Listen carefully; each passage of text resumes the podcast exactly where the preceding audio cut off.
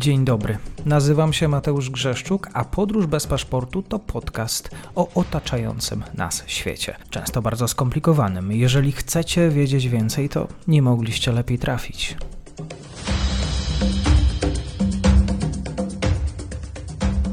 Partnerem odcinka jest Oanda, TMS Brokers, dom maklerski obecny na rynku już od ponad 20 lat. W opisie odcinka znajdziecie link do aplikacji, w której możecie otworzyć konto maklerskie i grać na giełdzie, a wcześniej potrenować na koncie demonstracyjnym. Jeżeli otworzycie konto za pośrednictwem tego linku, dostaniecie na start książkę o tematyce inwestycyjnej. Zapraszam, Mateusz. Dzień dobry Państwu, dzień dobry wszystkim słuchaczom. Wielka przyjemność już też po dłuższej przerwie, dlatego wielka przyjemność y, profesor Bartłomiej Toszek z Instytutu Nauk o Polityce i Bezpieczeństwie Uniwersytetu Szczecińskiego. Dzień dobry panie profesorze, kłaniam się. Dzień dobry panu, dzień dobry państwu. Dzisiaj o Irlandii Północnej, o Wielkiej e, Brytanii, o Europejskim Trybunale Praw Człowieka. Trochę się e, tutaj podmiotów zebrało, ale może na początek, panie profesorze, wojna domowa w Irlandii Północnej to jest lata 69-98. Ja wiem, że to jest bardzo ciężkie pytanie, ale jak gdyby wytłumaczyć słuchaczom, czym były te wydarzenia? Tak, to jest rzeczywiście ciężkie pytanie, nie tak łatwo będzie to wytłumaczyć. Pamiętajmy o tym, że y, wszystko zaczęło się dawno, dawno temu, jeszcze w czasach Henryka II, kiedy mm, mm, Anglicy postanowili, że podbiją Irlandię, ale nie będziemy się cofać aż tak daleko. Wiemy, że Irlandia przez długi czas pozostawała w, w rękach angielskich, w rękach brytyjskich, a później e, Irlandczycy, mm, którzy cały czas domagali się niepodległości, którzy mm, usiłowali zachować swoją tożsamość, postanowili wziąć sprawy w swoje ręce i począwszy od powstania wielkanocnego w 1916 roku, zaczął się powolny rozwód między Wielką Brytanią a Irlandią. Ten rozwód doprowadził do tego, że najpierw powstało wolne państwo irlandzkie, które było dominium, Później powstała Republika Irlandii. Tyle tylko, że ta Republika Irlandii nie obejmowała sześciu północnych hrabstw, a więc tego, co potocznie, aczkolwiek niezupełnie dokładnie geograficznie nazywane jest Ulsterem. No właśnie, i e, stało się tak, że po II wojnie światowej, e, kiedy te szanse na zjednoczenie Irlandii w zasadzie były coraz mniejsze, irlandzka armia republikańska y, doszła do wniosku, że trzeba jakoś przekonać rząd w Londynie, żeby pozbył się Irlandii Północnej, pozbył się w ten sposób, żeby ona wreszcie mogła się z Irlandią Południową zjednoczyć. E, słabszy z silniejszym najczęściej walczy w ten sposób, że wykorzystuje dostępne, nie zawsze pozytywnie oceniane środki. Był to oczywiście terroryzm. Zresztą irlandzka armia republikańska jest takim synonimem terroryzmu od, od w zasadzie wielu, wielu już lat. Mm, tyle tylko, że Wielka Brytania po II wojnie światowej chyba y, po, po utracie praktycznie całego imperium nie mogła sobie pozwolić na to, żeby wycofać się z tego tak zwanego imperium wewnętrznego. Gdyby rzeczywiście doszło do tego, że Brytyjczycy wycofaliby się z Irlandii Północnej, no wtedy pewnie z, w stosunkowo niedługim czasie i Szkocja, i kto wie, może także Walia doszłyby do wniosku, że one także nie chcą w ramach tej Wielkiej Brytanii pozostawać. Więc kiedy sytuacja w Irlandii Północnej zaczęła się zaogniać w 1969 roku, rząd brytyjski podjął decyzję o tym, że wprowadzi tam armię. No i zaczęło się. Po wprowadzeniu armii e, konflikt e, zamiast się uspokoić, zaczął się zaogniać. E, doszło do no, wielu bardzo takich dramatycznych wydarzeń. Chyba najsłynniejsze z nich, czyli Sunday, Bloody Sunday, niedziela krwawa niedziela, jest znane przede wszystkim ze względu na utwór U2, który, który o tej niedzieli z 1972 roku mówi. E, doszło do wielu zamachów terrorystycznych, ale doszło też do wielu ataków i sił lojalistycznych związanych z Wielką Brytanią, no i sił, które zostały przez Wielką Brytanię e, wprowadzone. Przede wszystkim e, znienawidzona policja północnoirlandzka, znienawidzona przez, przez protestantów, ale także wojsko brytyjskie, które miało się dopuścić, no, powiedzmy sobie szczerze, dopuściło się wielu czynów, które dziś byłyby y, sklasyfikowane jako hmm, chyba już nie tylko zabójstwa, ale wręcz ludobójstwa, ponieważ mm, jak za chwilę będziemy sobie o tym mówić, w konflikcie ucierpiało nie kilka, nie kilkanaście, ale kilka tysięcy osób, w zasadzie kilkadziesiąt tysięcy osób. A więc były to wydarzenia bardzo takie dramatyczne, bardzo krwawe. No i ten stan niepokojów trwał aż do 1998 roku, kiedy udało się wypracować porozumienie mm, porozumienie, które do dzisiaj jest podstawą funkcjonowania rządu i parlamentu północnoirlandzkiego i które, jak się wydaje, stanowi, a przynajmniej do niedawna, wydawało się, że będzie stanowiło dość trwałą bazę e, i polityczną, i ekonomiczną pokoju, dobrobytu, rozwoju Irlandii Północnej w obrębie Wielkiej Brytanii, ale z taką perspektywą, że być może za jakiś czas ta Irlandia Północna wyłączy się z organizmu brytyjskiego, a mogłaby to zrobić tylko w jednym kierunku, to znaczy łącząc się z Irlandią Południową, z Republiką Irlandii. Tak, tak to, tak to w skrócie wyglądało. Powiedział pan profesor słowo klucz. Wydawało się, że to było porozumienie takie powiedzmy brane pod uwagę, wiążące. Chyba dopieroż rząd Borisa Johnsona tutaj przygotował ten projekt ustawy Problem zaczął się w momencie Brexitu, kiedy południowa część wyspy Irlandia, czyli Republika Irlandzka, pozostała w Unii Europejskiej, natomiast część północna z niej wyszła. Okazało się, że granica, która od roku 1998 była traktowana jako po prostu kreska na mapie, ta granica z powrotem staje się granicą. Zresztą przez pewien czas, o czym mieliśmy już e, okazję rozmawiać, w innej audycji y, przez pewien czas y, istniało takie ryzyko, że ta granica będzie przebiegała między Wielką Brytanią a Irlandią na Morzu Irlandzkim, ale ostatecznie okazało się, jak zresztą było do przewidzenia, że przebiega zgodnie z tym podziałem politycznym, to znaczy między Wielką Brytanią a, y, a Irlandią. Nie jest ona aż tak twarda, jak wydawało się wtedy, kiedy Brexit wkraczał w taką najbardziej dramatyczną fazę no ale już dyskusje dotyczące protokołu północnoirlandzkiego pokazały, że rzeczywiście ta granica i w wymiarze gospodarczym, i w wymiarze politycznym pewne znaczenie ma. No a y, Boris Johnson dolał jeszcze oliwy do ognia, kiedy w 2021 roku zaczął y, podnosić projekt y, tego, co całkiem niedawno już stało się ustawą, czyli i co w założeniu miało zakończyć e, kwestię mm, niepokojów w latach 1969-1998.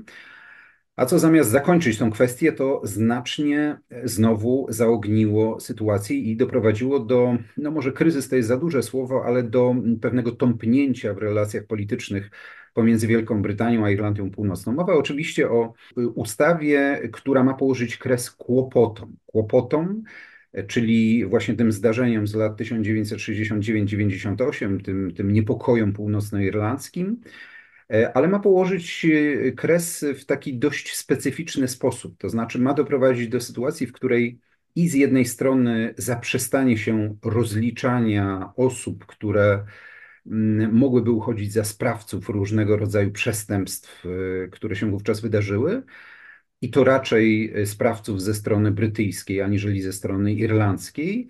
E, I z drugiej strony ma doprowadzić do mm, no, swego rodzaju upamiętnienia tych wydarzeń, ale już w takiej formie pomnikowej. To znaczy, nie ma to być przedmiotem jakichś rozliczeń w postaci na przykład odszkodowań, w postaci przepraszania, e, które miałyby być wyrażane przez premiera albo przez e, króla Wielkiej Brytanii, a jedynie ma być sprowadzone do takiej rangi dyskusji akademickiej e, i postawienia kilku pomników, które będą ten no, smutny niewątpliwie okres upamiętniały. Jakie nastroje w takim razie w związku z tymi wydarzeniami w samym Londynie? O tak. Bo y, ustawa, y, w zasadzie jeszcze projekt ustawy, od momentu, kiedy zaczął być procedowany w pierwszej połowie ubiegłego roku, wzbudził y, ogromne kontrowersje i w zasadzie bardzo szybko okazało się, że te podmioty, które zdecydowanie popierają takie rozwiązanie, to przede wszystkim rządząca partia konserwatywna, ale rządząca w Wielkiej Brytanii, no i weterani, którzy y, brali udział w okresie kłopotów w działaniach na terenie Irlandii Północnej, oczywiście weterani brytyjscy. To nie mała grupa, bo to około 200 tysięcy ludzi, e, którzy domagali się, żeby wreszcie przestać uważać ich za mm, przestępców, za osoby, które dopuściły się nie wiadomo jakich zbrodni. Twierdzili, że to nieprawda, więc potraktowali tą ustawę jako taką ustawę amnestyjną, która ostatecznie zamyka tą kwestię i która powoduje, że oni mogą już odetchnąć spokojnie i powiedzieć tak, nawet jeżeli coś kiedyś gdzieś miało miejsce, to to już jest sprawa zamknięta. Ale okazało się, że sprawa jednak nie jest zamknięta, ponieważ po drugiej stronie istnieje cała masa sił politycznych, które twierdzą, nie, takie rozwiązanie jest nie do przyjęcia. No przede wszystkim tak twierdzi rząd Irlandii. I to, że tak twierdzi, to znalazło wyraz w zaskarżeniu ustawy do Strasburga, do Międzynarodowego Trybunału Sprawiedliwości, przed którym będzie toczyła się sprawa pomiędzy Irlandią a Wielką Brytanią ponieważ rząd irlandzki uznaje, że takie rozwiązanie niczego praktycznie nie załatwia, że jest niedopuszczalne, że jest niedemokratyczne, no i że przede wszystkim jest niezgodne z Konwencją Praw Człowieka i Obywatela. Takie samo stanowisko wyraża wiele organizacji humanitarnych, na czele z Amnesty International, która e, również e, podkreśla, że w tej ustawie znajduje się wiele rozwiązań z punktu widzenia praw człowieka dość kontrowersyjnych. Przede wszystkim owa wspomniana przeze mnie amnestia, która przechodząc do konkretów, miałaby się sprowadzać do tego, że każda osoba, która ujawni, co dokładnie robiła w okresie kłopotów, e, opowie o tym jeżeli uczyni to, no być może wyrazi jakiś czynny żal, to po prostu nie będzie ponosiła konsekwencji prawnych. Nie pójdzie za to siedzieć, nie, nie poniesie za to jakiejś odpowiedzialności odszkodowawczej. I Irlandia ma e, żałować w ogóle tego typu. No cóż, no, pamiętajmy o tym, że tego rodzaju rozwiązania miały już miejsce w historii, to całkiem niedawno. Ustawa jest wzorowana na modelu południowoafrykańskim, modelu, który wypracował Nelson Mandela. E, gdzie mm, również w południowej Afryce e, wprowadzono taką konstrukcję, że nie rozliczano osób, które w czasach apartheidu dopuściły się jakichś czynów przeciwko czarnej ludności, o tyle, o ile one przyznały się do tych działań i wyraziły e, za nie skruchę. Więc no, tego rodzaju rozwiązania już gdzieś tam były wdrażane, natomiast były wdrażane przede wszystkim dlatego, że ludność kolorowa w Afryce Południowej się z nimi zgadzała. W mniejszym czy większym stopniu, ale jednak się z nimi zgadzała. Natomiast tutaj Wielka Brytania ma przeciwko sobie, można powiedzieć, zjednoczony front oponentów, bo to, że wymieniłem rząd y, Republiki Irlandzkiej, to jedna sprawa, ale pamiętajmy, że bardzo też negatywnie oceniły tę ustawę, ten jeszcze wcześniej projekt ustawy, rodziny ofiar, które w zasadzie jednoznacznie wskazują, że takie rozwiąza rozwiązanie ich nie satysfakcjonuje. Większość partii politycznych tworzących, yy, współtworzących Północnoirlandzkie Zgromadzenie Narodowe, na czele z największą z tych partii, czyli Sinn Féin, oczywiście również krytycznie do tego yy, podchodzi. W zasadzie tylko lojaliści poparli partię konserwatywną, przy czym to poparcie też jest takie dość, yy, powiedziałbym, względne. E, Demokratyczna Partia Unionistyczna, a więc największy sojusznik partii e, konserwatywnej w Irlandii Północnej, próbowała jeszcze w połowie ubiegłego roku, jeszcze w czerwcu, e, wskazywać premierowi Sunakowi, że tego rodzaju rozwiązanie nie jest korzystne z punktu widzenia Wielkiej Brytanii, że spowoduje bardzo duże zamieszanie. Ale ostatecznie, kiedy ustawa już weszła w życie we wrześniu ubiegłego roku. Wtedy e, DUP stwierdziło, że skoro rząd irlandzki nie przedstawił żadnych innych rozwiązań, to niech to rozwiązanie, to niech ta ustawa, chociaż nie jest doskonała, ale niech ona wreszcie zakończy ten, ten, ten problem e, wewnątrz Irlandii. E, po to, żeby Irlandia mogła normalnie rozwijać się, normalnie funkcjonować. I z takiego punktu widzenia, oczywiście można przyznać jakąś rację rządowi brytyjskiemu. Chcemy wreszcie zamknąć sprawy, które działy się no, już przecież około 30 lat temu. Chcemy, chcemy wreszcie e, pójść naprzód. E, natomiast e, może się wydawać, że nawet jeśli ta ustawa zostanie utrzymana, a determinacja konserwatystów w przeprowadzaniu swoich rozwiązań, jak wskazuje na to Brexit, jest ogromna, więc może się okazać, że ta ustawa będzie istniała, nie zostanie uchylona, nie zostanie zmieniona, e, to jednak mimo wszystko stanie się taką kością niezgody między, między Wielką Brytanią a Irlandią i może też doprowadzić do kryzysu wewnątrz y, Zgromadzenia Północnoirlandzkiego, zaostrzając konflikt pomiędzy protestantami i pomiędzy katolikami, czy też y, po prostu pomiędzy y, republikanami a lojalistami, a więc odnawiając te rany, które miały zostać zaleczone przez porozumienie wielkopiątkowe w 1998 roku.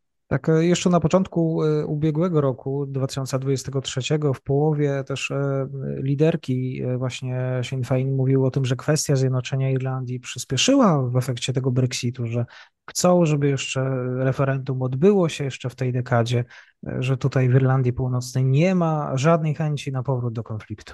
No tak, tak, tak się rzeczywiście mogło wydawać. Mogło się wydawać, że z chwilą, kiedy została zaproponowana złagodzona wersja protokołu północnoirlandzkiego, to znikają takie ekonomiczne przesłanki do tego, aby, Irlandia Północ, aby Irlandia Północna była traktowana gorzej niż pozostałe części Zjednoczonego Królestwa. A więc pod tym względem sytuacja się uspokoiła, natomiast y, niewątpliwie ustawa, o której mówimy, doprowadziła do zaognienia na płaszczyźnie politycznej. Czy to zaognienie jest bardzo poważne? E, wydaje mi się, że nie. Wydaje mi się, że nie na tyle, y, aby miało ono poruszać ogół społeczeństwa irlandzkiego. Natomiast y, niewątpliwie wśród tych osób, które y, zostały poszkodowane w okresie kłopów lub ich rodzin, budzi to niezadowolenie, rozżalenie. Mm, no, można sobie zadać pytanie, czy taka ustawa rzeczywiście była potrzebna i czy po prostu nie była przedwczesna. Wszystko wskazuje na to, że tak właśnie, y, tak właśnie było. Był to taki projekt lansowany przez to chyba najbardziej skrajne prawe skrzydło partii konserwatywnej. Rishi Sunak zachowuje się w sposób dość dwuznaczny, w zasadzie nie bardzo się o tej ustawie wypowiada. E, pozostawia wszystko sekretarzowi stanu do spraw Irlandii Północnej. I to też wskazuje na to, że nawet w obrębie samej partii konserwatywnej ta ustawa odbierana jest różnie. Czas pokaże w takim razie w przypadku tego projektu, y, czy właśnie to będzie kij wbity w mrowisko, rozsierdzona rana. Profesor Bartłomiej Toszek, bardzo dziękuję za komentarz. Dziękuję, do widzenia. Dziękuję serdecznie za odsłuchanie tej audycji. Zachęcam oczywiście do kliknięcia subskrybuj, obserwuj oraz wsparcia mojej pracy na serwisie Patronite. Do usłyszenia.